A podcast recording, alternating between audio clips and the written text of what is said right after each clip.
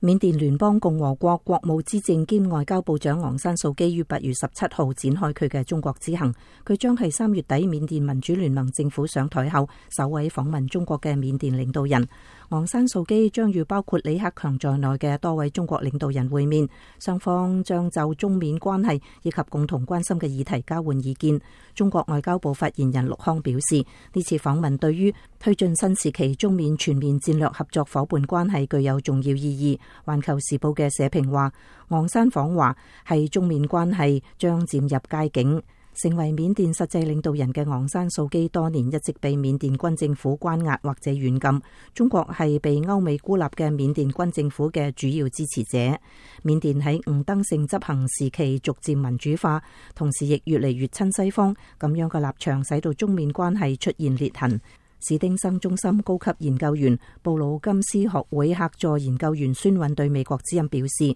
昂山素基嘅访华总体嚟讲系要呈现一个积极嘅中缅关系发展方向。佢话：他这次去访问中国，总的、大致的目标是说要和中国改善关系，或者说让孙允话呢次去访问中国，大致嘅目标就系要同中国改善关系。或者令世界知道，亦使中国能够了解到缅甸现在嘅外交政策，并唔系反华，而系现在努力同中国改善关系一个状态。预计昂山素基呢次嘅访问议题，将集中系双方有争议嘅密松大坝、缅甸和平进程以及双边经贸问题。自从二零一一年吴登盛政府单方面宣布停建密松大坝以嚟，呢个一直系中缅关系嘅一个矛盾点。全国民主联盟政府上台后，大坝问题对于昂山素基嚟讲更加。系一个烫手山芋，一方面为咗保住中国呢个主要贸易伙伴，昂山需要积极改善对华关系；另一方面，勿从大坝项目引起缅甸民众不满，佢嘅停建喺缅甸国内有好强嘅社会原因。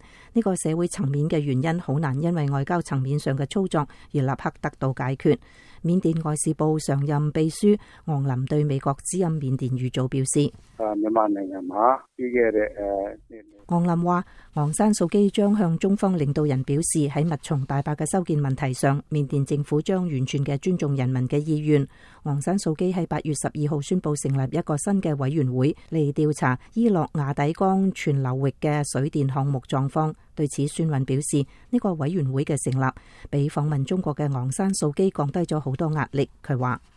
就是关于这个委员委员会成立的这个宣布的公告，是发生。孙文话：，关于呢个委员会成立宣布嘅公告，系发生喺昂山素基访华嘅前几日。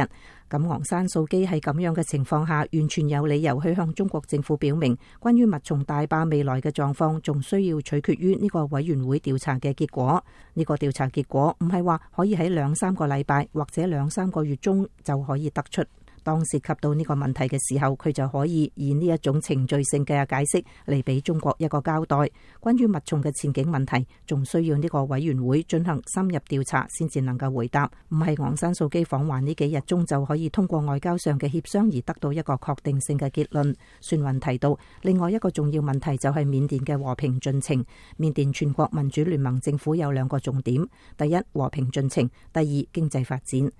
呢个系从中国嘅角度嚟讲，中国最重要嘅利益在于保持边境稳定，只系喺边境地区唔能够发生好似旧年果敢咁样大规模嘅武装冲突，因为呢个对中国本身嘅边境安全乃至国家安全亦有好大影响，所以中国喺缅甸和平进程嘅问题上一直系劝和促谈。但系如果缅甸少数民族唔愿意往呢个方向发展，中国政府会推动佢哋，或者话鼓励佢哋去与中央政府对话。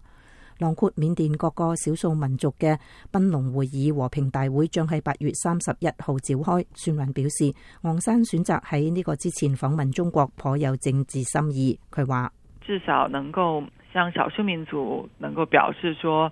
诶，我在开这个槟榔会议。之孙云话：呢个至少能够向少数民族表示喺开槟榔会议之前同中国有协商过，而且亦系取得中国首肯。呢個本身對於和平進程嚟講，係向中國咁樣一個外部勢力表態。緬甸政治分析師楊妙登亦表示，中國喺緬甸和平進程中扮演重要嘅角色。佢話：，你閉你失閉楊妙登話：昂山素基對中國嘅訪問對雙邊關係至關重要，尤其係中國最近承諾幫助緬甸和平進程。佢補充話：昂山素基此次喺訪問美國之前對中國進行訪問，美中缅三方關係對區域繁榮。